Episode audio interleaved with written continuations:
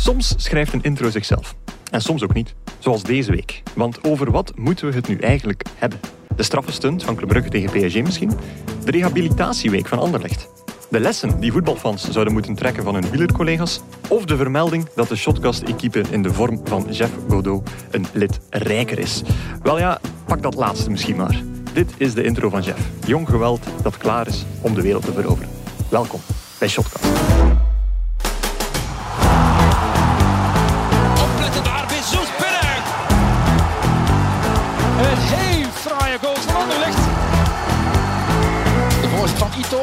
Onuwachu. Dat is een goede voorzet van Aken met de goal. Dag Gert. Dag Guillaume, ik zie dat je... Ja, ik, ben, ik ben nu voor. Eh, Je zei mij voor, ja dat klopt. Ja. ik zie dat je je intro nog, eh, nog hebt aangepast, want ik was er juist een beetje mee aan het lachen hè, voor de aflevering. Dus Ah, ik zag in het draaiboek eh, staan, soms schrijft een intro zichzelf. En dan zag ik Guillaume naast mij met zijn handen in zijn haar. ik zeg, nee, die schrijft zich niet zelf. Ja, dat was een redelijk pijnlijk moment. Zo een acuut geval van writersblok op het meest pijnlijke moment. Ai. En vooral dat het zichtbaar is voor anderen. Dus eh, ja, oké, goed. Maar goed, wat wilde je zeggen? Goeie intro. Wow. Chef zou vier zijn. Ik wil eigenlijk direct naar huis gaan als, als dat de toon is. Nee, ik wou eigenlijk zeggen dat het, eh, dat het vaderschap, en hij kunt het zeker ook weten, dat maakt weken. Ja, Want, ja. want eh, toen ik dacht van ik ga het over Jeff hebben, de nieuwste telg van, eh, van de shotcastploeg, De zoon van Lars, voor de mensen zoon die van eh, Lars. niet doorhebben. zo van Lars, vorige week geboren. Ehm, toen, dacht, toen kwam het wel vanzelf. Toen schreef de intro zich wel Ja. zelf. En eh, ja, wordt er meteen weer wat week van, hè Gert? Ja, ja, inderdaad. Proficiat trouwens hè, aan de Proficiat mama en papa. en ook aan de grootouders, want ik weet, oma en opa Godot zijn luisteraars Oké. Oké. van Shotcast. Oma en Dus, opa. Ja, ik weet niet wat ze zeggen. Hè. Omi, Moetie. eh, ik weet niet wat, wat, wat de chef zegt. hè. En Voorlopig nog niks, maar Nee, dat is het is het eerste kleinkind, denk ik. Hè. Dus eh, ik ben benieuwd. Het eerste is altijd speciaal, Ja. klopt. Eh, Ik hoop en- alleen dat eh Jeff niet zo mondig is als zijn vader. hè. Ja, De waarom? eerste weken. Er valt toch nog mee als je dat een beetje in de tang houdt. zo. Ja. Dat is wel waar, ja. Nee, eh, wat nog beter is eigenlijk, eh, we hebben Jeff zijn cadeau eigenlijk al een, al een maand liggen. Hè? Is het Ja. niet, Janko? Eh, niet helemaal, nee. Het is, het is besteld, het cadeau. Oeh, maar hij, ging dat toch, hij had dat toch al gefixt? Ja, het is besteld effectief, maar nog niet geleverd. En- Sommige dingen die echt goed zijn, die duren soms iets langer. En wanneer zou het dan geleverd worden? Want dat kind is nu wel... Ik vrees eh, november pas. En Dus Jeff is, dan ook nog eens, Jeff is dan ook nog eens een week bijna na zijn eh, geplande geboortedag geboren en nog eens niet. Nee. misschien moeten we in de tussentijd werk maken van een, eh, een tijdelijk vervangcadeau of zo. Wat, wat- het is echt november pas dat toekomt. ja, ja, ja, ja, helaas wel. Oh, Jezus Ik, Christus. ja, ik zou kunnen uitleggen hoe dat komt en zo, maar ik ga het niet doen, want dan gaan we al te veel, ver- Ja. te, mij te veel verraden. Nee, misschien. maar het is goed om te weten dat we iets in uw handen kunnen leggen en dat een volle kunnen, eh, kunnen vertrouwen. Ik heb wel iets meegebracht om het goed te maken, hè, ter Oké. mijn verdediging. Wat? Koffiekoeken. Dus als Jeff zin heeft, mag je hem die komen ophalen. Zijn dat die koffiekoeken waarvan je trots zijn van dit heb ik nog over van gisteren? Ja, die koffiekoeken die jij niet hebt meegebracht, nou te laat komen van vorige week Oké, inderdaad. hè. oké, amai. Oh, shots fired. Ja. Zwat, eh, Janko, ben je blij dat er met Chef een nieuw lid aan de Shotcast kindertafel komt te zitten? Bij jou en, en onze kinderen. Zeker en vast, want ik heb eens aan het tellen geweest. En in de Shotcast-familie kom ik nu pas boven de mediaan. dus daar heb ik op school ja, langer op moeten wachten. Ja? Oké, goed. En waarom? Omdat Gert heeft twee kinderen, ik één. Dus jij bent nu de vierde qua leeftijd op een totaal van... Vijfde. Nee, wacht, nu zijn we toch met vijf. Zijn we nu met vijf? Ah, ja. Ah ja, Ah ja? jullie drie kinderen, Jeff komt erbij, dat is de En dan vierde. Janko, dus ik word dan de vijfde, vijfde en er zitten nog maar drie boven mij. Ja, de vrouw reken ik even niet bij, omdat het dan dus echt pijnlijk wordt voor mij. Oké, goed. Allee, dat is goed om te weten. Zwat, eh, ja, terwijl wij wachten op de uitnodiging om het schil van de geboorte af te drinken. eh heb je die trouwens al gehad, Gert? Want volgens mij moet die echt verloren zijn in, in de post. Want waarom zou Lars een kind hebben als hij niet meteen ermee op café zou kunnen Ja, gaan? Of een reden zou kunnen hebben om op Ik, café ik te gaan? pleit er wel voor om dat in de paliter te doen, want nu dat Lars vader is en daar mogelijk Ja. minder eh, zijn opwachting zal maken, vre- vrees ik voor de financiële balans van, eh, van dat café. Ja, dat denk ik ook. En Duvel gaat failliet. U hoorde het hier eerst. eh, dat, dat is duidelijk. Zwat, we gaan het hebben over eh, de voetbalactualiteit. Want ook daar is er bijzonder veel gebeurd. Dus we gaan eraan beginnen. Elke week vragen onze vrienden van Biewen zich af wat er te onthouden valt van het competitieweekend. En wij, wij geven hen eh, maar wat graag het antwoord. Ja, heren, eh, laten we misschien eens eh, starten met een trainersontslag. Dat onze aflevering voor één keertje vorige week niet gedateerd heeft. Maar eigenlijk perfect in lijn kwam met de analyse die we toen gemaakt hadden. Namelijk, hey, nog geen enkel trainersontslag in België. En dat is, dat is bijna een record. Ehm, maar Peter Maas heeft dat record uiteindelijk toch niet ja, weten te Verlengen. verlengen of te, te vestigen. Peter Maas is dus niet langer coach van Beerschot. Heeft Beerschot hier goed aan gedaan? Gert. Ja, ik vind hem altijd een beetje raar. En dat is bij heel vaak zo bij een, bij een trainersontslag. Want nu kwam er zo uit de club ehm, doorgecijpeld van ja, ehm, de ouderwetse manier van werken stoot het toch tegen de borst. Mhm. Ja, Mm. dan denk ik, dat weet je toch op voorhand. Hoe, Als je Peter Maas binnenhaalt, hoe- hoe dan weet je dat hij werkt. Ja, je, je moet toch weten hoe, hoe iemand werkt. En dan na, na zeven speeldagen te zeggen van ja, goh, zijn manier van werken, het was toch wat ouderwets, het paste toch niet bij onze club. Ja, je kunt toch wel verwachten dat dat een stijlbreuk is met Will Still. Ja. Dus ja, ik vind dat een beetje een eh, flauw excuus. En je hoort dat heel vaak bij, bij trainersontslagen. Ik, ik begrijp, en, en dat, dat ligt dan een beetje in de lijn, ik Mhm. begrijp echt niet dat, en dat gebeurt meer en meer, en we hebben het hier al heel vaak gezegd, dat clubs zo slecht screenen of... of, of, of Allee, of is het dan uiteindelijk altijd een excuus om hun eigen falen te Mhm. verdoezelen? ehm, om achteraf te zeggen, het cliché over die trainer ophangen, ja, dat past toch niet bij ons. Ja, sorry, dat moeten we van tevoren weten. Het Ik heb in België weet van twee clubs die uitgebreid trainersprofielen scouten. Ja, Dus dat is waanzin eigenlijk. Hè? Twee van de 18. ja, ja. Ja, Ja. Dat inderdaad. is nog meer, nog meer dan ik dacht. Ah, wel, kijk, voilà. Jij dacht dat er nul waren, zeker?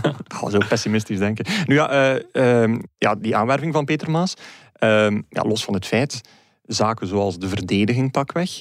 Hoe graag we Frederik Frans hier ook gehad hebben als gast. Ja, die was vorig jaar al onvoldoende voor 1A. En dat is dit jaar nog slechter op geworden. Ja, ze hadden, allee, ze hadden gewoon deze, deze zomer een verdediging moeten versterken, punt. Ja. En dat is niet gebeurd. En daar is Peter Maas eigenlijk een beetje slachtoffer van. Mhm. Heeft Peter Maas dan nooit op die nagel geklopt deze zomer? Dat weet ik niet natuurlijk. Maar eh, Mhm. ja. ja, het is heel vaak is een trainersontslag ook gewoon het eh, toegeven van bestuurlijk falen. Ah, wel, ik ben blij dat je dat zegt, want denk ik een van de lelijkste zaken die ik vorige week gelezen heb, en dat had niets te maken met auteur Koen Frans, eh, echt een gevleugelde pen heeft de man, eh, was het interview wel van Koen eh, in GVA en het Nieuwsblad met voorzitter Francis Franke, die, eh, ja, denk ik, de ene platitude na de andere opstapelde. Enerzijds, er is een ijzeren wetmatigheid in het voetbal dat er op zo'n moment, na een 1 op 21, ondertussen een 1 op 24, iets moet veranderen. Nee, dat is, dat is niet waar. Eh, dat, dat, is, eh, dat is iets wat dat iedereen zichzelf heeft ingeprent. Je kunt dat perfect eh, negeren eh, als je effectief een beetje aan het beleid zou willen doen. Als je gelooft in je keuze. Ja, als je gelooft vond- in je keuze, als je ziet dat er een project is dat tijd vergt. Nu, ik denk niet dat dat hier in dit geval eh, het, het geval was, namelijk dat er met meer tijd eh, effectief iets zou eh, veranderen. Maar hij zei daar ook nog in, het bestuur is ook verantwoordelijk voor deze eh, 1 op 21, nu 1 op 24. En dan denk ik, ja, gast, doe er wat aan. Ja, Ja. Verander de wereld, begin bij jezelf. En, en ja, zo'n schuldbesef doen, maar dan toch denken van ja, op de, de volgende keer gaan we het waarschijnlijk op dezelfde manier aanpakken en gaan er geen lessen getrokken worden uit de vervanging van Wil Stil naar Peter Maas en van Peter Maas naar zijn opvolger. Weet je wat ook vaak een probleem is in voetbalclubs? Ik zeg nu niet dat dat hier, bij Beerschot het geval is, maar ehm, daar, is, daar zijn ook in die bestuurskamers ego's.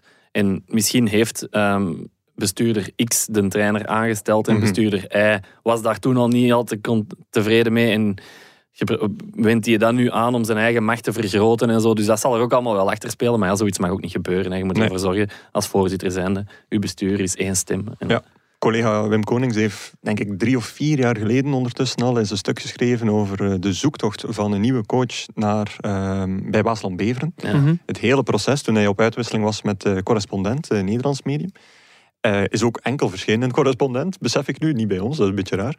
Maar dat was echt een eh uitgebreid relaas over hoe dat proces met dan alle ego's uit een bestuursgroep, eh, alle makelaars die dingen aanbieden, het, het chronisch gebrek aan voetbalverstand of inzichten in zo'n proces, dat was, eh, dat was waanzinnig eigenlijk. En ik denk dat er niet heel veel bij veel clubs veranderd is op dit Ja, moment. over dat, die, dat proces. Ik stond toen ook vaak in contact eh, in die periode met Karel Fraaien. Dat was dan een van de kandidaten Ja. toen bij Wassan BV.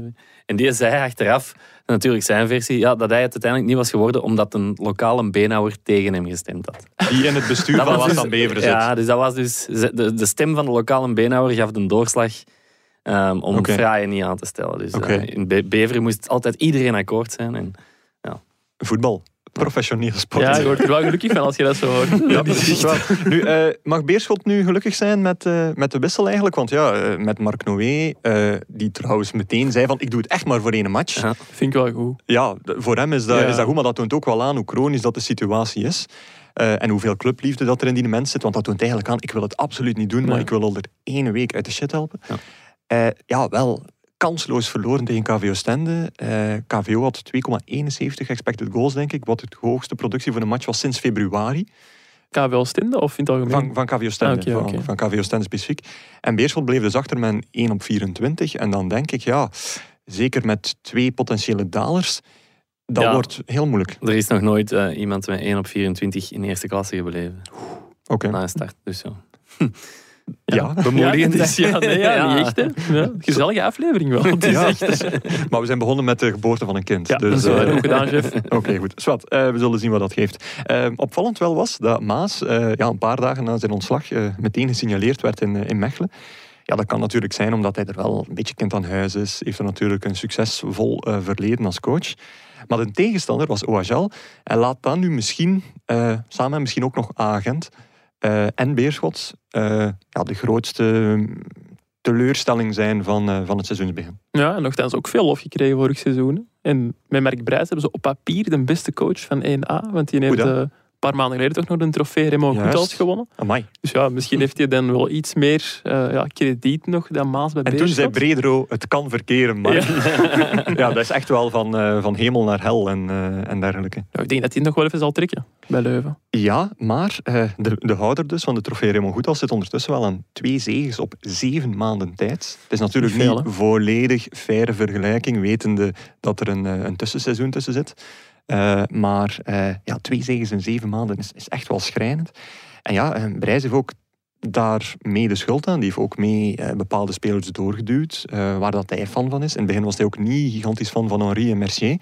Totdat hij de ploeg daar wel een beetje is op beginnen inspelen. Mhm. Maar bijvoorbeeld een Siebe Schrijver, Siebe Schrijver, zo had hij er ook absoluut bij, die toen en nog steeds eigenlijk niet goed in het systeem past. En dat, dat merkt je ook. Eh, dat is ook geen onbetwistbaar basisspeler, terwijl die intrinsiek heel veel talent heeft. Maar ja, eh, Schrijvers en Mercier, dan is in Leuven de keuze wel snel gemaakt. Ja. Ehm, en ja, en ook vanuit de spelersgroep hoor je meer en meer ja, geluiden van ja, toch wel monotone trainingen en dergelijke. En eh, zelfs los van de waarheid van die uitspraken, als zo'n zaken al tot bij mij Ja. komen. En ik ben niet echt bepaald een OHL-watcher, dan, eh, ja, dan is er daar een stuk van de vis dat stinkt.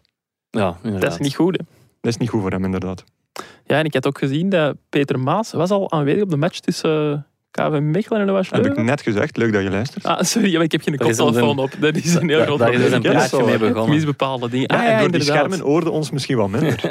Nee, maar dat is wel opvallend dat hij er al direct Fantastisch dat je zo goed kunt liplezen en kunt inpikken op wat wij zeggen. Echt geweldig. Ik had eigenlijk nog een nadoeken meer moeten drinken van de Marie. Ja, Nee, maar het is wel opvallend dat hij al wordt gesignaleerd uiteindelijk.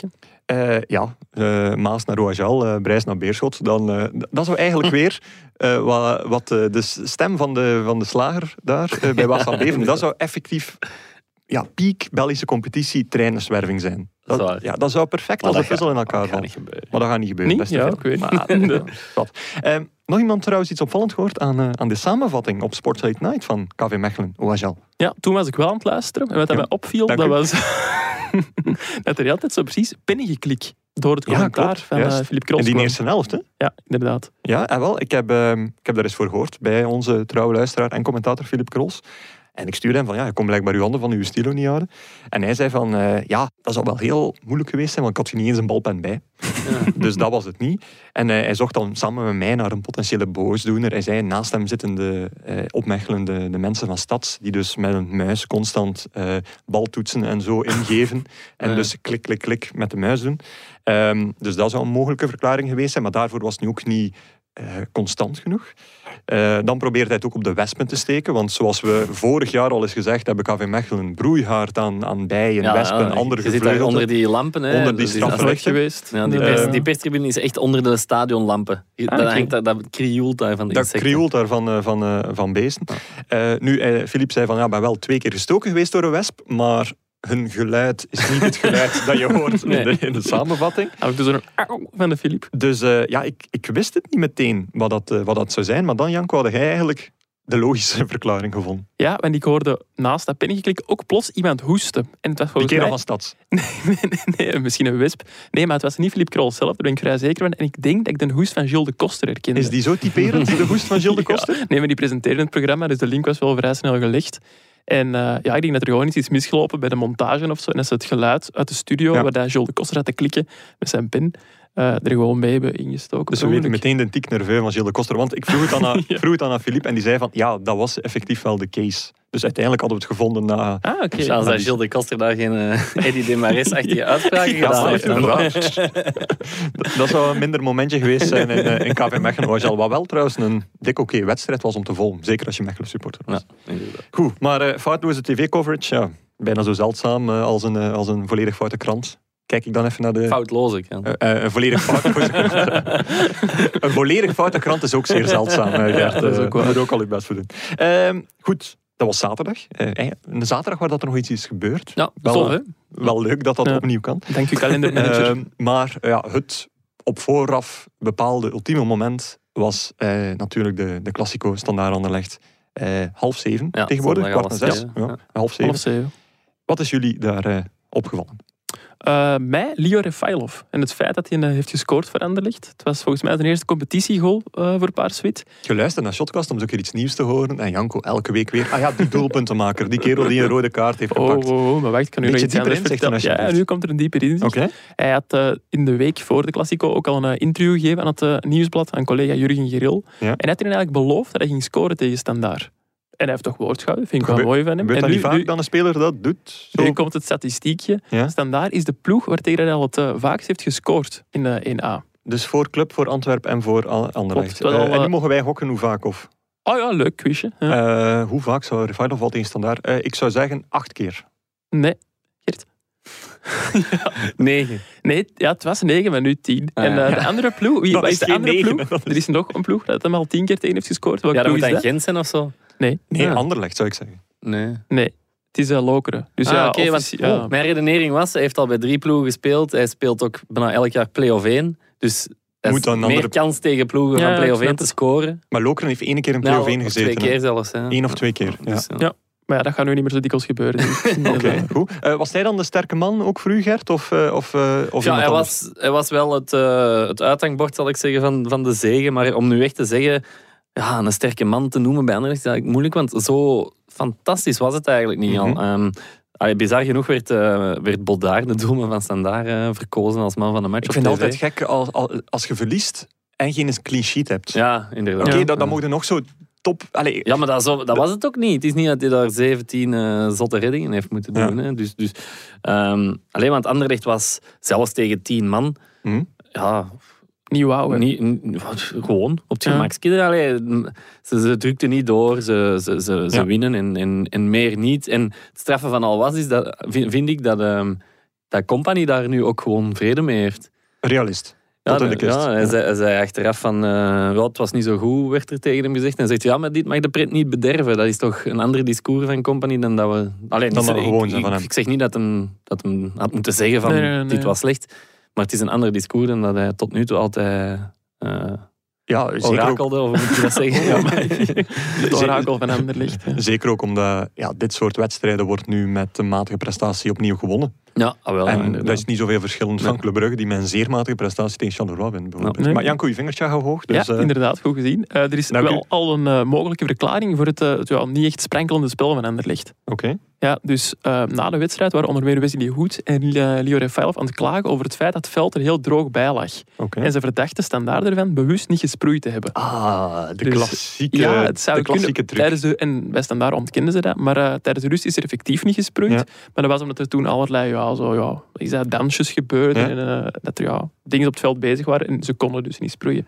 Maar wel typisch om zo nog ja, zo een uitleg ervoor te gaan zoeken. Ja, wel, en, en ook ja, een uitleg, maar vooral ook dat, dat grassen sproeien is wel zo'n klassieker. Want ook in lagere afdelingen, Ja. wat durven ze dan doen? Zo de helft van, eh, van het veld te doen. En dan vraag ik mij af, ja, welke helft moet je dan eigenlijk doen? Nou, doe je je opbouwende helft. Maar als jij een dominante ploeg bent, dan, dan kom je daar eigenlijk zelden. Dan heb je meer baat aan de helft waarin dat je je aanvallen eh, tot, ja, tot stand laat komen, tot eh, laat uitbloeien. Of doe je toch je eigen helft? En, en vooral, hoe geef je dat dan door aan, aan, eh, aan, aan, de, aan, Ene aan de, kant, rechts Ja, of en dan links. wisselen van kant. ja. Ja, wel aan de greenkeepers eigenlijk. Van, eh, ja, je mocht enkel maar onze helft eh, besproeien. En dan, wat, wat moet hij dan doen eigenlijk? Ja, misschien gewoon proberen meevoetballen, dat is misschien het handigste. hè. Dat kan inderdaad ook wel het geval zijn. Maar dus, eh Bodar was dan de ultieme uitblinker? Of, of Refailov? Of, of nog iemand anders die is opgevallen, Janko? Oh, bij Anderlecht opvallen nog niet echt. Het was ook, want wij zeggen nu al van ja, dat is raar dat Bodaar als tot man van de match werd gekozen. Maar bij ons in het nieuwsblad kregen Anderlecht spelers ook volgens mij alleen maar ja, vijfjes en zesjes. Ja, ja, tuurlijk. Dus ja, er was ja, echt niemand echt goed. Ik vond toen de eerste helft, ja, Jari Verscharen, dat was eh, de man die eh, de rode kaart had, lokte bij Standaard. Mhm. Liet zo tussen de lijnen ook wel een paar goede dingen zien. Maar het gevoel dat ik bij, Stan- eh, bij Standaard, bij Verscharen altijd heb, is van...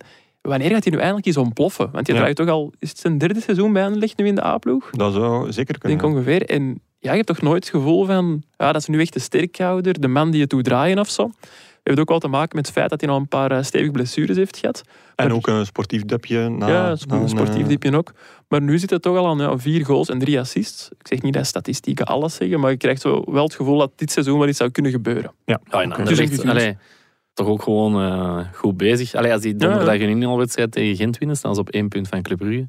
Ja, dan Ja, is er... eh, Puik. Allee. Ah, nee, nee, nee, want eh, ja, misschien eerst over die rode kaart. Ik ben blij dat je het, eh, dat je het aankaart, dan Ja. scharen die, eh, die uitlokte.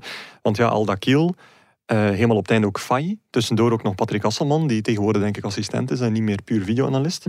Eh, ja, de Roesjes eh, hebben wel hun naam waargemaakt met, eh, met, met drie kaarten in één wedstrijd. En ehm Aldakil, dat was in tegenstelling tot woensdag, deze keer wel een terechte rode kaart voor eh Ja, ik moest uh, doorgebroken speler. direct aan Gilles de Beelden denken. Ja, wie niet, Want, denk ja, ik. ik weet niet wie dat de wedstrijd woensdag heeft gevolgd op eh, VTM. Maar Iedereen wel. ja, sommige mensen misschien ook op Proximus. Ah, ja, ja, ja, ja. Ik, ik op alle twee, want ik wou echt stukje het verschil zien, maar ga door. Ah, ja, daar kun je misschien zelfs meer over vertellen.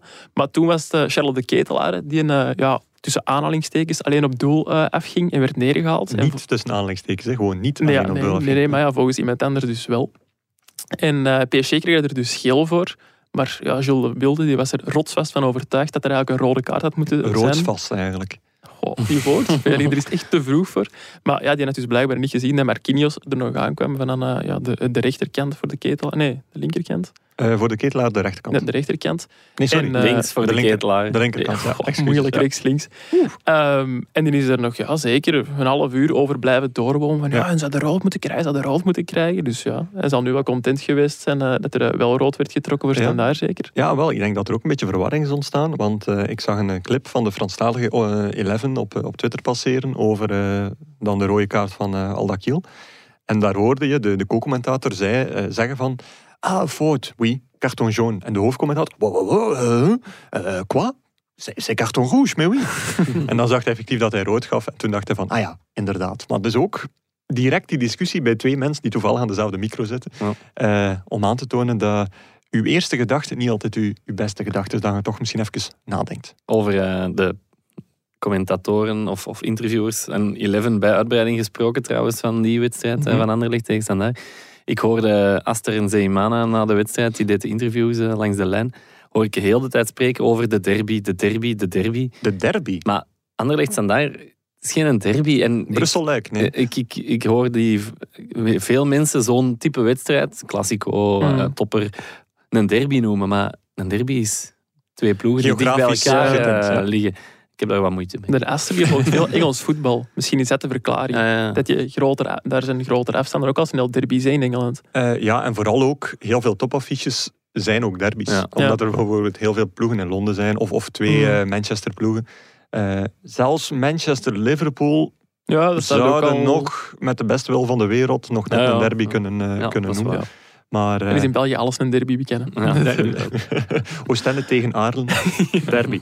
Belgische derby. De eerste aflevering van Shotcast heb ik toch zoiets eh, een fout gemaakt door Doornik tegen weet ik veel wie. Zo twee.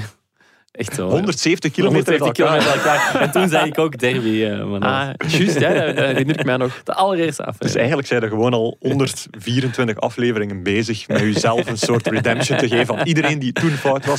Je ziet, ik ben ook maar een mens. Ik heb die aflevering herbeluisterd als voorbereiding op eh, mijn, eh, Serieus? mijn- ja, mijn in- intreden in de shotcast. Daarmee dat ik het nog weet. Ja, Ah. anders had hij dat niet onthouden. Huh? Echt, amai, wat moet het verschil wel niet geweest zijn tussen die aflevering en deze nu? Bij u weinig. Toen Bij mij weinig? ja.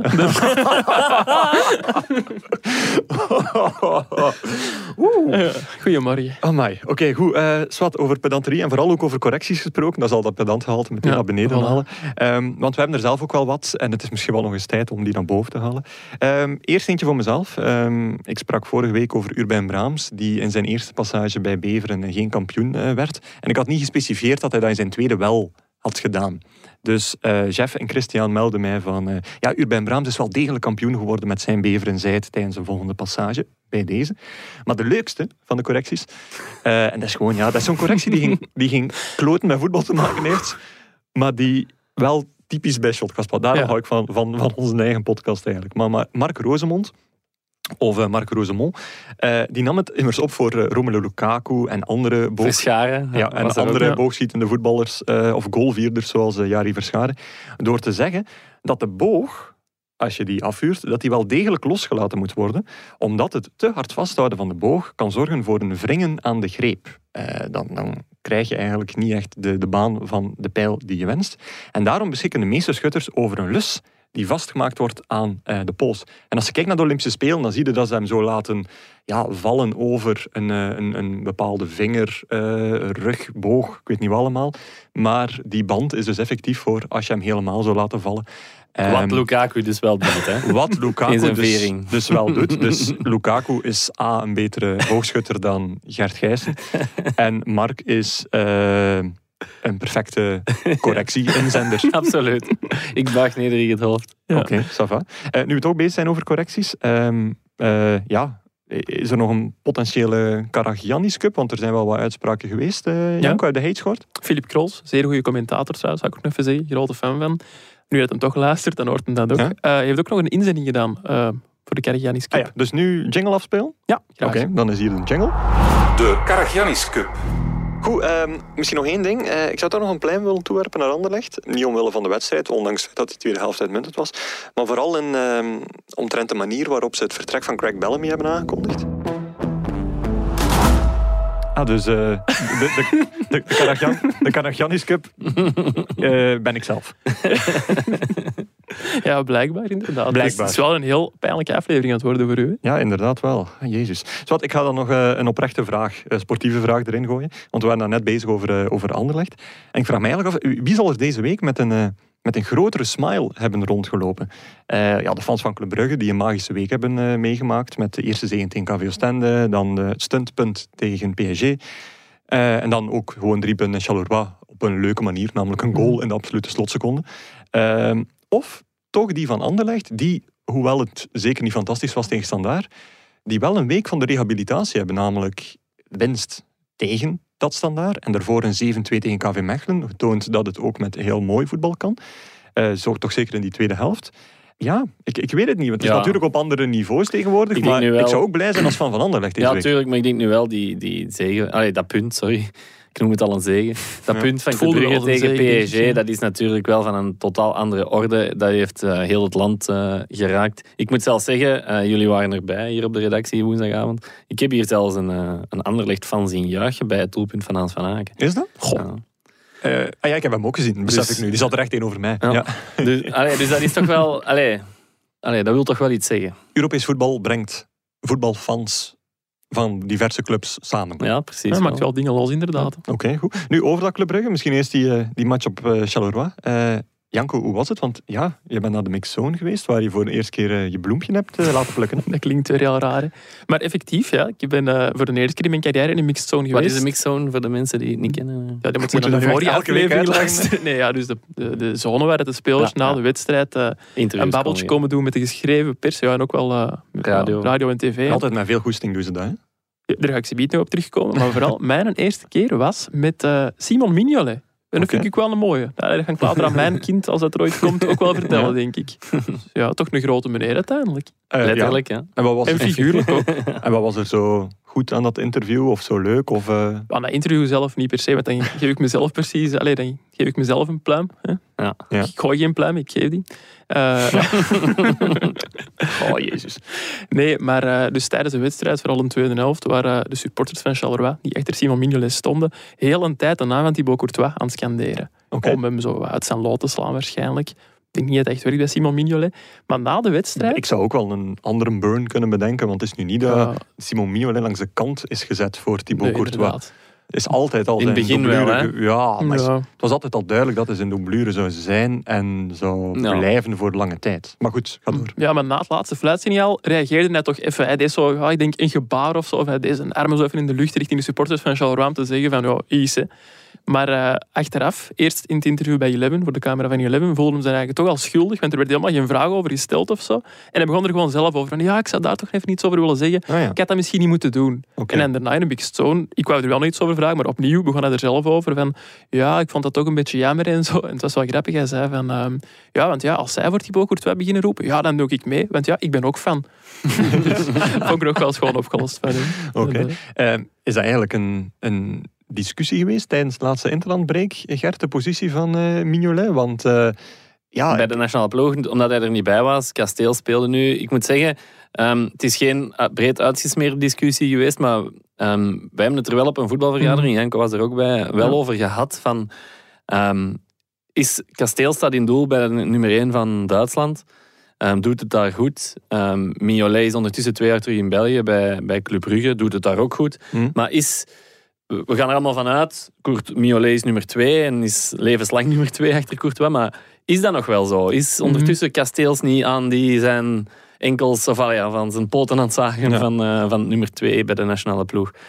Moeilijk om te zeggen, Ja. moeilijk om te vergelijken, maar ehm, ja, Kasteels is toch aan het komen, zal ik zeggen. ja, los van het feit dat dat niet is omdat Mignolet zijn niveau niet meer had. Nee, nee, nee, absoluut Nee, nee, niet. die Vooral omdat ook, Kasteels ja. eh, allee, er echt wel staat. Ja, oké, goed. Ik denk persoonlijk, als ik iets mag zeggen nog, eh, niet dat, dat Liever snel... niet eigenlijk, Nee, maar... het zou gewoon niks voor Martinez zijn om daarin te gaan schuiven, volgens mij. dat Anders is zou. Nasser Chadli ook al lang niet meer hebben opgeroepen voor Ja. TK en daar heeft hem toch ook maar gedaan. Dus Nee, en schuiven met hun tweede doelman. Allee, wat levert het op Ja, het als is dat. voordeel? Allee. ja. Nou, dat is goed. Eh, Gert, als ik zeg Mixzone Charleroi, dan denk jij aan één ding. Nee, zo niet. Pers, pers, Per- pers, en Charleroi, ja. Ik, ik vroeg mij af, eh, Janko was zijn eerste keer op Charleroi. ik vroeg mij af of er ijsjes waren. Nee, jullie zijn nu al twee weken bezig over ijsjes tegen mij. Sinds jullie weten dat ik naar Charleroi moet, maar ik snap niet waarom. Waar is er met ijsjes Zonde. en Ja, dat Charleroi? is dus, dus ehm, een paar jaar geleden, tijdens de play-offs wel, als het wat beter weer is. Maar het was, ja, het was goed weer Mhm. dit weekend. Dus, ehm, dan kwamen de mensen van Charleroi vlak na de rust eh, ijsjes uitdelen aan de pers. En dat was dan altijd overschot van de VIP. Ah, echt? Ehm, hun, hun dessert eigenlijk. En dan kregen wij allemaal een ijsje. Dat was wel, was Wij, wel wij zijn blij met klikjes. wat mij eh, opviel in de, in de pershal van Charleroi was wel dat er veel wijn werd gedronken. In niet de door, ja, niet door de journalisten, maar ja, ik denk medewerkers van de club en ook wel fotografen, als ik mij niet Het is vergis. altijd druk, hè. Ja. Die stonden er gezellig een glasje wijn drinken. Wat leuk was, was eh, een van de laatste keren dat ik er geweest was. eh, toen eh, was er zelfs een mini wijnproeverijtje. Namelijk dat een, dat een paar lokale wijnboeren hadden een paar flessen afgeleverd aan, dus de, aan de toog van, eh, van de pershal. Waar dat, eh, waar dat de wijn dus eigenlijk gedegusteerd kon worden. Zalig. En die werden uitgestald. Dat waren twee of drie wijnen, denk ik. Ik heb er zelf niet van, eh, van geproefd. Maar, eh, Mag het open, hè? eh, maar eh, ja, dus een wijndegustatie in een perszaal, het bestaat. Dat is wel meer... Ah, sorry, zeg Ja, maar nee, nee, ik vroeg me eigenlijk... Ik, ik wou het wijnhoofdstuk afsluiten, maar ik, wil, ik vroeg me eigenlijk af... Wa- Waarom zou iemand wijn willen hebben? een vogeltje heeft mij ingefluisterd Oh, nee. dat, Oh nee. dat er ook problemen waren met de toiletten in Charleroi, Janko. Oei, Oh, nee, nee, nee. Nee, wat ik nog wou zeggen is... Dat, dat, eh, dat hadden we nu niet ik, zo? jawel, ik, zal, ik zal er direct even op doorgaan. Dat, dat, eh, ik had meer rock'n'roll verwacht van zo'n mixed zone. Want in mijn hoofd was dat zo een plaats waar dat zo vol stond met journalisten die dan over elkaar bekend probeerden te kruipen om spelers te spreken en aan hun mouw te trekken. Maar Charleroi in dat klein... Normaal is dat ook wel... Maar nee, er was keihard plaats. Dat was zo in een of andere ja, kelder. Ja, ja. Een heel ruime kelder wel. En daar stonden wij dus gewoon te wachten. We wisten dat Simon Mignon en Ah, Charlotte de niet zouden meer komen. in de, onder de tribune waar de spelers in opkomen. Het stond effectief in die, in die grote hal. Ja, in die grote hal Ah, inderdaad. ja, dan is het, eh, En dat is echt gewoon wachten tot die spelers komen. Wachten, wachten. En dat is heel vervelend, dat wachten, als je heel dringend naar het toilet moet. Ah, oh, ja. Maar ik, ik moest dus effectief heel dringend eh, een, een kleine boodschap gaan doen. Maar het probleem was, het toilet daar was helemaal boven. Ja. Aan de perszaal. En ik dacht ook van, ja, maar ja, je gaat dat zien. Als ik nu naar boven ga om naar het toilet te gaan, Ja. ja, dan gaat juist Simon Mignolet komen en heb ik die gemist. Dus ik heb daar staan dansen, eh, omdat ik ja, dus heel dringend naar het toilet moest. En ja, ja, gênant. Ah, ja. Gênant. Oké, maar eh, het is niet gênanter geworden. Het is allemaal gelukt. Nee, alles is eigenlijk vrij goed verlopen. Oké, goed. Ik zal zeggen dat er heel veel donkere hoekjes zijn in het stadion van Charleroi. Oh, Oké, Oei. Och, ga met die poetsvrouwen daar. Ja, inderdaad. Wauw. Sorry Nadine. Zat- Het zal niet de enige geweest zijn, denk ik, die al een keer in eh, de catacombe van een, eh, van- een voetbalstadion eh, iets heeft achtergelaten. Ehm, de match zelf. Eentje in lijn met het seizoen, denk ik, tot dusver. Charleroi dat al het goede van voorheen opnieuw liet zien. En een club dat vaak wisselvallig of zelfs ondermaats is, maar het toch over de streep weet te trekken. Ehm Charleroi, Janko, was uw dark horse toch? hè? Ja, klopt. Ja, ik wou, ik wou niet zelf serieus denken om het even aan te kaarten. Maar ik vond Charleroi weer heel goed. Mhm. Ehm Club Brugge had wel meer balbezit, maar als Charleroi dan toch eens eh kon tegenprikken op de counter, zag je echt wel dat er heel veel goede voetballers bij zitten. Ja. En ik ben trouwens niet de enige dat zegt dat Charleroi een heel goede ploeg is. Philippe Clement begon daarna de wedstrijd ook over. En hij zei van, ja, volgens mij gaat Charleroi zelfs meedoen voor een top 4. Maar Gert, dat is toch echt wel een uniek moment eigenlijk. Zo'n coach die heel moeilijk met zijn ploeg tegen een andere ploeg weet te winnen. Die zegt dat de ploeg waar dat ze toch uiteindelijk tegen gewonnen hebben echt uitmuntend is. Ik was aan het denken, als we, daar, als we daar moeten voorstellen, dan moeten we ook denken dat Estland een wereldploeg is. Ah ja, want eh, maar zo Martinez zegt dat ook toch? altijd. Het is toch niet omdat iets vaak gebeurt dat er geen waarheid in kan zitten. Oké, Nee, maar omdat het zo vaak gebeurt, is het heel moeilijk om de waarheid eruit te halen. maar geloof mij dan gewoon. Ik zal u geloven. Dus eh, doe mee voor top 4. Nee, ja, ah, wel, ja, eigenlijk meedoen. Ik zeg niet eens top 4 gaan halen, maar ik zie het wel meedoen. ja, oké. En Ik heb al eens gezegd dat, eh, dat ik fan ben van alliteratie.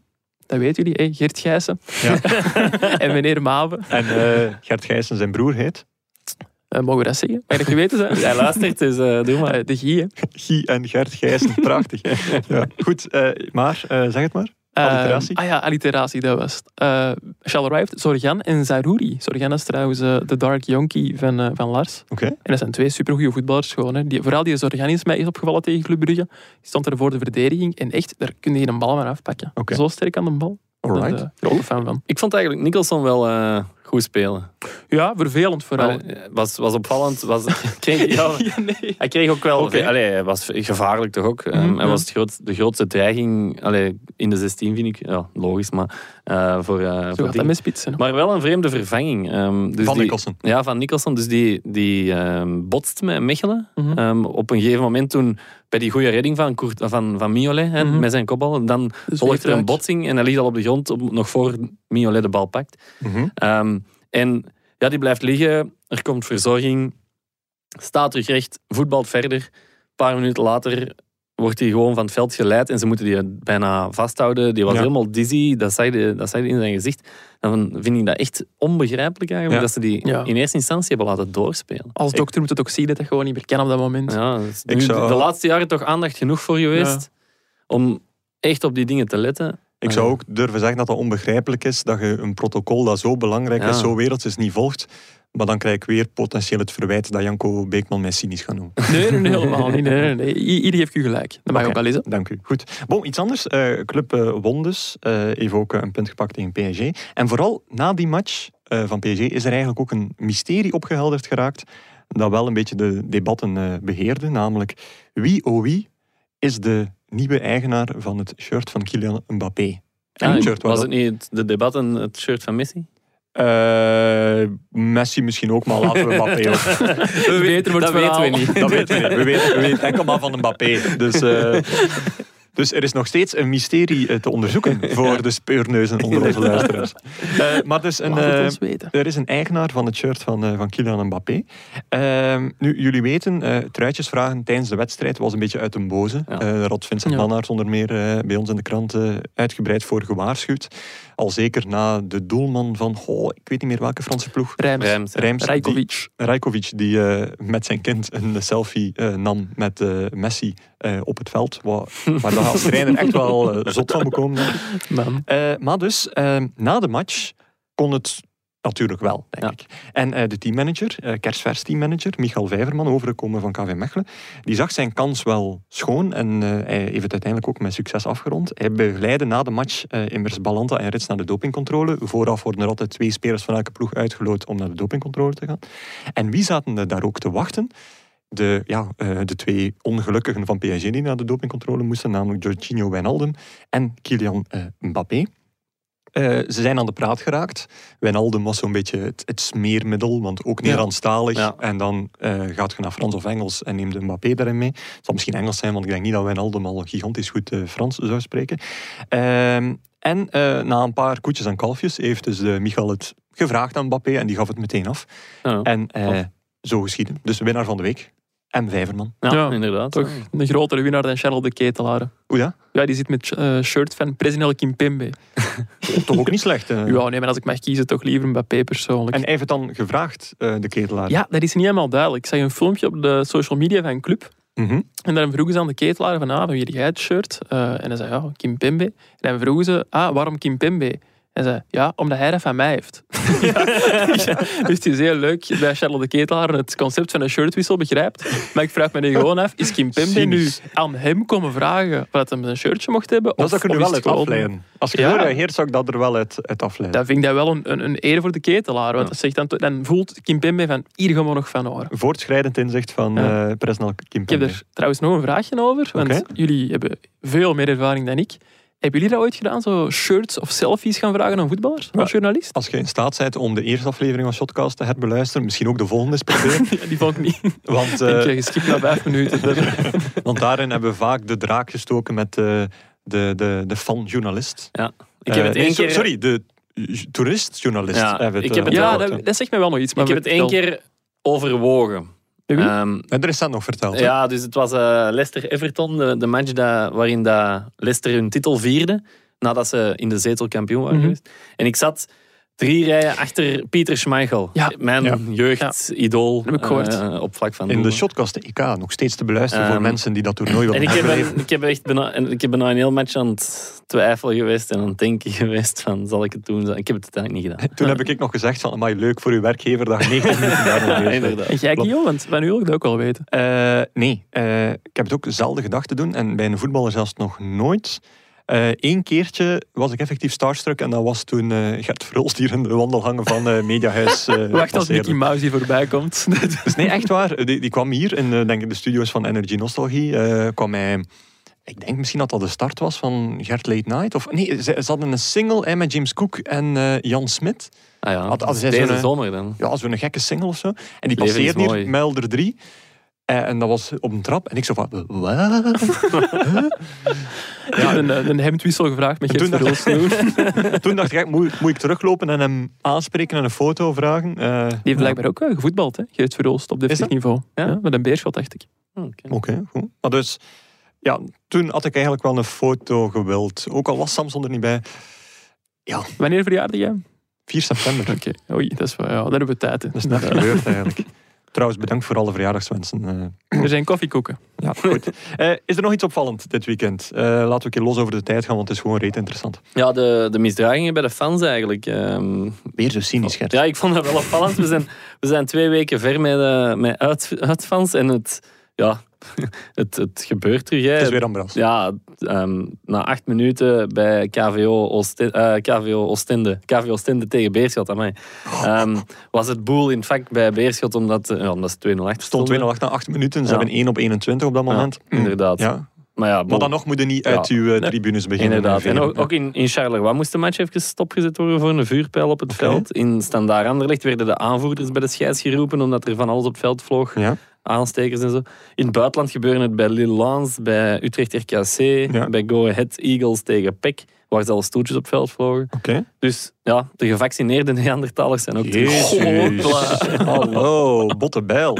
Ja, maar ja, dat, ja, doe Ja. normaal. Amai, oké, goed. Eh, In Nederland was het ook Ja. nog wel eh, ambiance. Cyril Dessers, vriend van de show, heeft eh, zijn eerste goal gemaakt voor eh, Feyenoord. Shout-out Cyril. Proficiat, Cyril. Heeft trouwens ook een, eh, een assist gegeven.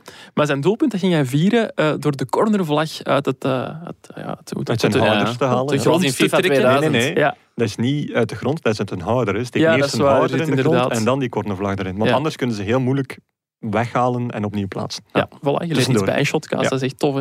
En eh, hij ging net dus vieren in de hoek waar de supporters van PSV zaten. En die begonnen allemaal met bier naar hem te gooien. En Ja. hem, hem uit te schelden ook wel iets. Want je zag zo op de foto's, achteraf zo wel mensen heel luid proberen roepen met heel scheve bekken. En het grappige was dat Cyril Dessers daarna op Twitter zo mee aan het lachen was met die foto en met de mensen achter hem. En hij vergeleek het met een renaissance schilderij. dus, ik denk dat de supporters van Feyenoord dat ook wel eh, kunnen appreciëren. Het Dat hij waren zo wel wat wat, Breugeliaanse figuren Ja. die eh, al dan niet door hun eh, partners werden tegengehouden of ze zouden eh Cyril Dessers naar, eh, naar de keel hebben gegrepen. En dan denk ik meteen, denk dat iedereen van ons luisteraars, of toch een groot deel, ook wel een beetje wielerliefde heeft. Shotcast, de wielerpodcast. Ehm, als je ziet hoe dat een Filippo Ganna eigenlijk, ja, ze maken er foto's van en er is een immense teleurstelling in Brugge omdat hij twee Belgen van, van een wereldtitel houdt. Als je ziet hoe dat, dat op, op applaus wordt aan onthaald. En je zou je maar moeten inbeelden dat een PSV-supporter naar Cyril Dessers hetzelfde zou doen als dan die eh wielerfans Mhm. naar Ghana. Dan spreken we daar schande over tot in de Ik eeuwigheid. vond het nog wel mooi, de, de fans van Van Aert en Evenepoel, dus ja, gewoon België, die langs de kant stonden, waar altijd zo hun handjes zo teken naar beneden aan het doen toen hij Ghana voorbij reed. Kijk, maar dat is- trager, trager.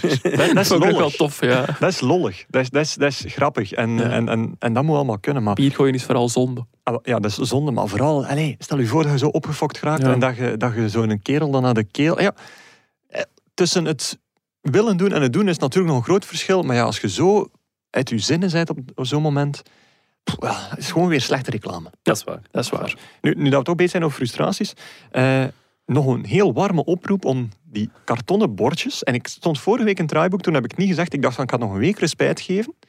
Ondertussen heeft, is iedereen mij al voorbij gegaan en iedereen heeft de kartonnen bordjes al aangekaart, maar ik wil het expliciet nog eens doen. Banzen. Welke kartonnen bord? De kartonnen bordjes. Gert, eh, nu Antwerpserij, Vrij, die dan een, eh, een shirtje moet geven aan... eh, aan Omdat daar iemand staat met een kartonnen met zo'n bordje. bordje. Messi, shirt? heeft, ja, Messi heeft er ook al eh, 100.000 naar zijn hoofd gekregen.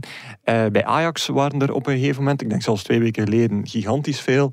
Ik heb allerlei mensen ook al zo met bordjes, stop met jullie stomme kartonnen bordjes, naar, naar het stadion zien gaan. Rete vervelend. Maar wat, Wat is- wat, wat is Hoe daar kan dat zo diep zitten? Ja, nee, gewoon omdat dat is een mooi gebaar zou dat moeten kunnen zijn. Dat heel snel kan omkeren in, eh, in, een- in een heel eh, ja, lelijk gebaar. Stel nu, eh, vrij... Cynisch dagje. ja, cynisch dag, maar like, Maar ik stel mij nu Guillaume voor, die in de Samson en Gert show zit, met een bordje waar Gert Verhulst zijn. Oké, interessant. Maar het, het is gewoon niet leuk. Want stel nu, eh, dus Vrij geeft dat nu aan een kind. Prachtig moment, bla bla bla. Eh, volgende week zijn er twee kinderen die vragen eh, een kartonnen bordje van Vrij, mag ik jouw shirt? En ze zitten 20 meter uit elkaar. De week daarop zijn er drie, zijn er vier. Dan gaat er steeds ook meer gefrustreerde kinderen krijgen die zeggen van, oh ja, ja, Vrij, dat was mijn favoriet, nu niet meer, want hij heeft mijn shirt niet hier. Sorry, Dan moet, dan je zien dat je een mooi Dat je bordje het beste maakt. bord hebt. Ja, doe je best een denk beetje. wel. Hè. Ja. Dat is gewoon een gebaar dat heel snel kan omkeren. En voordat je het weet, wordt er weer al iemand gekapiteld. Terwijl dat hij eigenlijk gewoon een vriendelijke gast zou De truc is een vlag meepakken van de Huh? speler. In plaats van een bordje, bijvoorbeeld, je hebt nu Samatta. De zijn Zwitserse vlag voor vrij. Ja, nee, die Zwitsers, ja, dat is rood-wit, dus dat gaat niet opvallen op een bolzeil. Ik zou dan de vlag van Tanzania meepakken en dan hopen dat je het shirt van Samatta krijgt. Maar ik wil het shirt van Vrij. Met een bordje. Ja. Eh, Of, of, of zouden dan de boodschap op de vlag schrijven? Geen Of een boodschap, die zal het toch wel Ah, herkennen, die oké. mens. Ja. Allee. Die, ja, wow, wow. Eh, we gaan overgaan naar de wisselrubriek. Vragen staat vrij. Help! Onze mailbox staat in brand. In deze rubriek zoeken we naar antwoorden op al uw vragen, gek of niet. Dit is Vragen staat vrij. Ehm, ik zal het even voorlezen. Een inzending van een, eh, van een luisteraar. Hi, Shotcast. Eerst en pre-al, vooral, kwestie van de pre-drink te eren. Dat is een mooie referentie naar de voordrink. Ja. Ben ik een grote fan. Het zou interessant zijn om een Europese coëfficiëntenberekening te hebben, zoals bij de tennisranking. Op dit moment mocht Club Brugge voor het winnen van PSG, de vraag is ingestuurd vooraf. Mhm. Hij voegt nog aan toe, when pigs fly, vraagteken. Het is nog bijna ook niet gewonnen. Nee. Eh, krijgt België evenveel punten als bijvoorbeeld Spanje dat wint van Moldavië, pakte eh, iemand tegen Sheriff Tiraspol. Het zou een meer gebalanceerder en, eh, gebalanceerd en eerlijk rankingsysteem kunnen opleveren als men eh, ja, eigenlijk een soort ranking zou... eh, ja, als je tegen een goede ploeg of een eh, uit een land wint met een hogere ranking, zou dat eerlijker zijn als je daar meer punten voor krijgt. Wat zijn jullie gedachten hierover? Met vriendelijke groeten, Christian Lozen. Nu, normaal in deze rubriek stelt er iemand een vraag en geven wij daar een feitelijk antwoord op en gaan we daar op zoek. Nu is het eerder een ja, Aanzet tot discussie. aanzet tot discussie. Hm. Eh, misschien eerst in een notendop. Wie legt uit hoe dat het er momenteel aan toe gaat via het Europese coëfficiëntensysteem? Ik, ik kijk naar Gert. Ja, nee, nu krijgt gewoon, je krijgt eh, punten per zege, per gelijkspel of ja, verlies niet. En dat wordt allemaal opgeteld, wordt over vijf jaar gespreid. Mhm. Ehm, Hè, dus worden alle... We zijn nu al fout. alle ah, leg het dan zelf Ja. uit. Wat je zelf doet. Hè. Je, maakt, je pakt punten inderdaad voor wedstrijden. Eerst wordt dat gedeeld door het totaal aantal deelnemers van uw land in, eh, in, eh, in dat jaar. Dus in België is Ah, dat van het jaar vijf. Ondanks het feit dat Anderlecht al is uitgeschakeld, Mhm. blijft dat gedeeld worden door vijf. Eh, en dat is dan een cijfer. Voor België ligt dat tussen de oh, 6 en de 11. Eh, laat, laten we dat zeggen. En dan op basis van de laatste vijf jaar, dat wordt opgeteld. Ehm, en dan heeft dat invloed op het seizoen plus één, de verdeling van de Europese tickets. Dus op het einde van dit seizoen, de stand dan heeft invloed op de start van het seizoen. En die stand wordt gemaakt over 2023, vijf 24. seizoenen. Wordt gemaakt over vijf seizoenen. En de top 10 even rechtstreeks vertegenwoordiger voor de Champions League. De top 6 even Ja. 2. Bij de top 10 moet je voorrondes Champions League gaan spelen. Dus voor België is dat het meest interessante. Ja. En de Belgische situatie inderdaad, ehm, ja, die is schrijnend. Want we hebben een topjaar waarin dat Gent en Genk is, eh, samen En een de achtste top 10 finale Europa League hadden. gaan we kwijt zijn. Die gaan we kwijt zijn, want we hadden nadien een heel slecht jaar met 2,6 eh, punten. Eh, en er valt een jaar weg van 12,5 punten. Waardoor je dus eigenlijk een redelijke eh, ja, daling zult meemaken in het klassement. En we dus zeker een jaartje wel moeten vrezen dat ons rechtstreeks Champions Ja. ticket weg was. Maar dat 2,6 Ja, Jaar. valt dan weg. valt nadien weg. Dus we zouden normaal één jaartje moeten eh, wegvallen uit, eh, uit de Champions League en er direct weer bij zijn Ja. als we gewoon op normaal niveau presteren. Ja, oké. Maar Maar, dus- vorige week berekende onze specialist Wim Konings De coëfficiëntenwatcher. ja, ehm, berekende dat als we ehm, heel de groepsfase verder doen zoals vorige week, dat het dan misschien zelfs niet gebeurt dat we onze rechtstreeks Oké. Ja, plaats zijn kwijt. Onze niet concurrenten zo zijn zo- cynisch, maar dan, allee, ik geloof er niet echt in. Dus, maar onze concurrenten daarvoor zijn zo Oekraïne, Oostenrijk, Rusland, Rusland. eh, Nederland gaat te ver weg zijn eh, als die eh, ook zo doorzetten. Ja. Dus eh, ja, het wordt nog pittig om te volgen. Ja. We zullen er Ja. nog veel stukken aan, aan kunnen wijden. Maar dus eh, de vraag van Christian. Moeten we naar een systeem gaan waarbij als je een punt pakt tegen PSG, dat dat meer waard is dan Gent dat punten, wint ja. tegen eh Tallinn? Ja, ik vind wel, als je die vergelijking van Christian of Christian hoort, het klinkt wel eerlijker.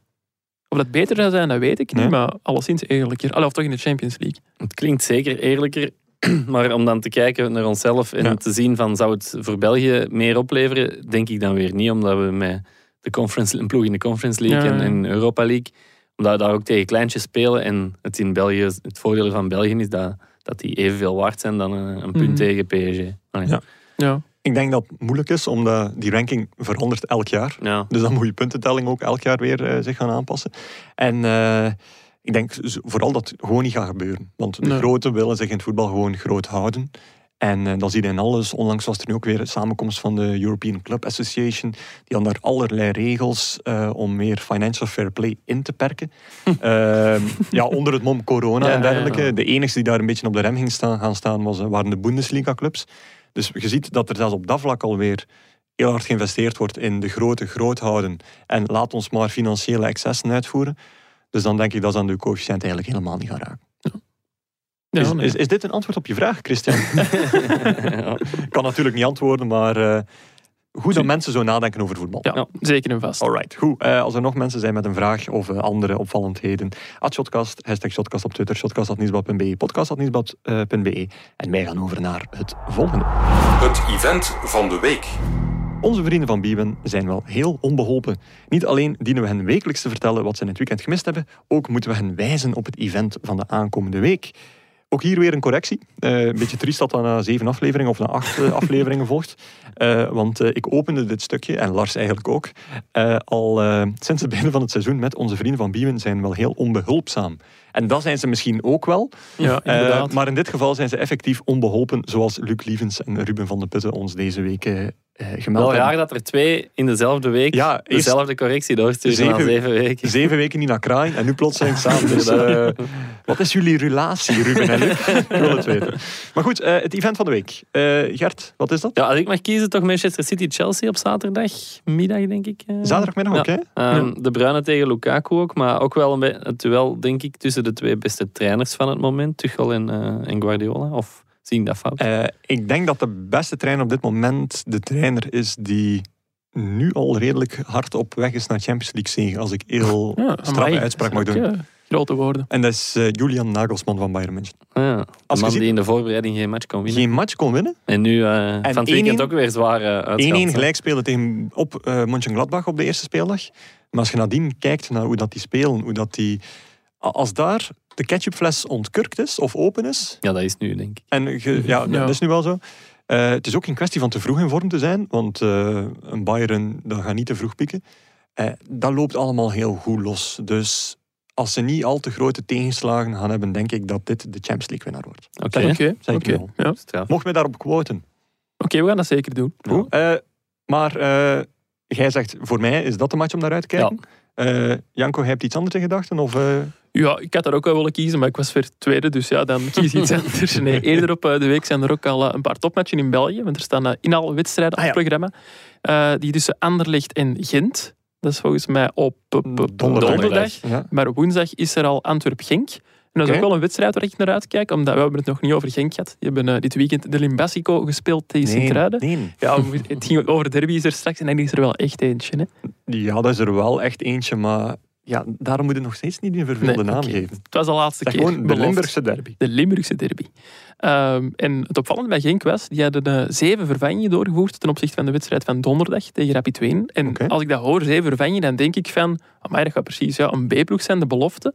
Maar toen keek ik naar die opstelling van Genk en je zag daar amper iets van. Ja. Daar stonden toch nog jongens tussen als Tresor, als Ugbo.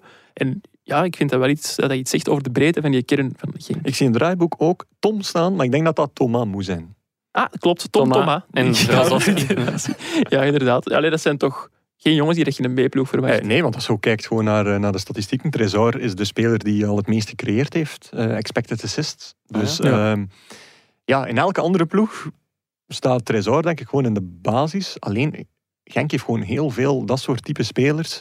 Heeft een heel sterke, nee, een heeft heel Genk- sterke bezetting op die positie en heel veel verschillende profielen. Maar dan ja, heeft Genk sorry. toch wel echt geïnvesteerd in breedte van de kern. Hè? Ja. Eh, Ja. Dat, dat maakt dit weekend wel duidelijk. Ja, we hebben veel goede transfers. En, eh, ja, en vooral de allerbeste transfer is de, de transfers die, die blijven. Zijn de Paul Ja, Onuachu. absoluut. Eh, ja, ja, toch even een, eh, ja, een dikke eh, pluim voor hem. Ik zal ze niet toewerpen, maar ik zal ze hem geven. Geeft ze gewoon. Ja, Ik zal ze gewoon geven. Ja, eh, ja, die kerel, gewacht op een transfer. Voor weken, maanden aan een stuk. Niet gekregen. Mhm. Eh, met Cyril Dessers een concurrent verloren. Maar met Ike Oegbo, een zeer sterke concurrent, er ook opnieuw bij. Zeker. Maar tussendoor zou je dan denken van, ah ja, toch wel een beetje eh, mindere aandacht, mindere prestaties, maar de kerel is gewoon blijven scoren.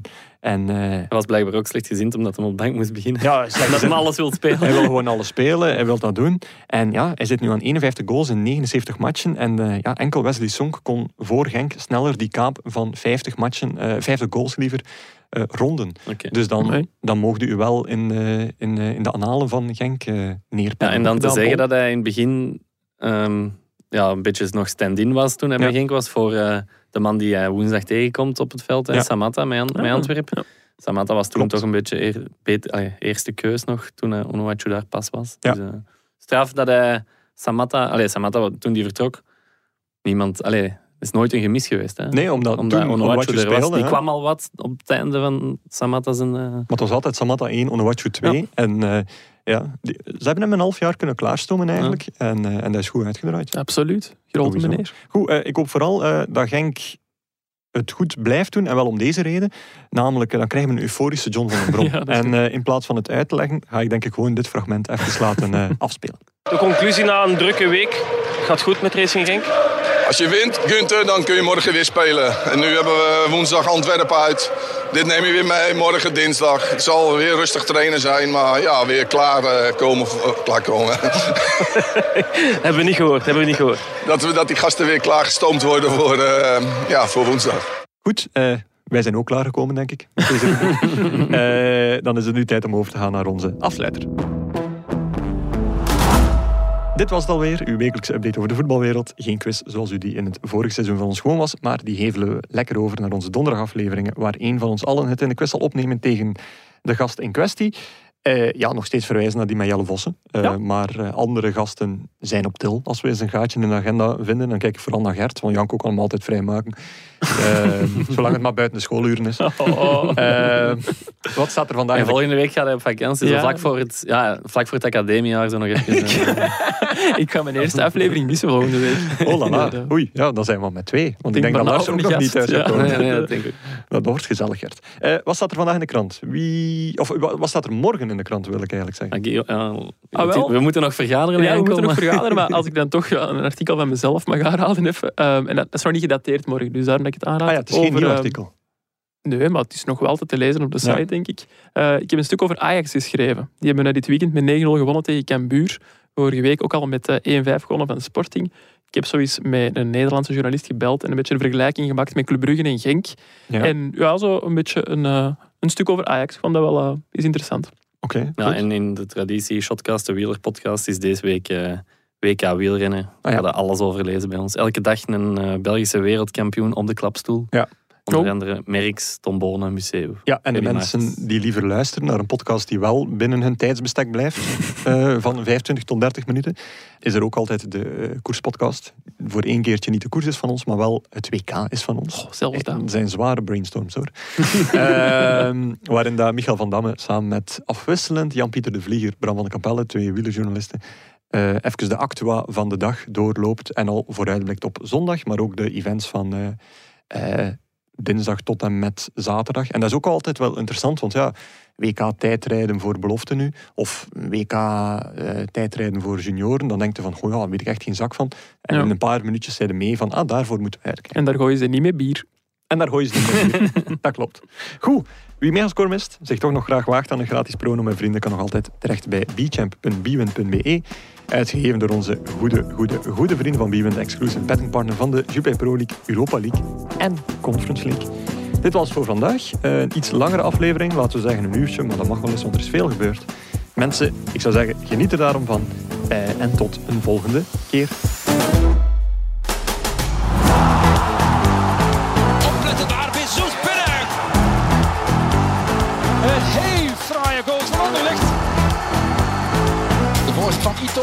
you only watch you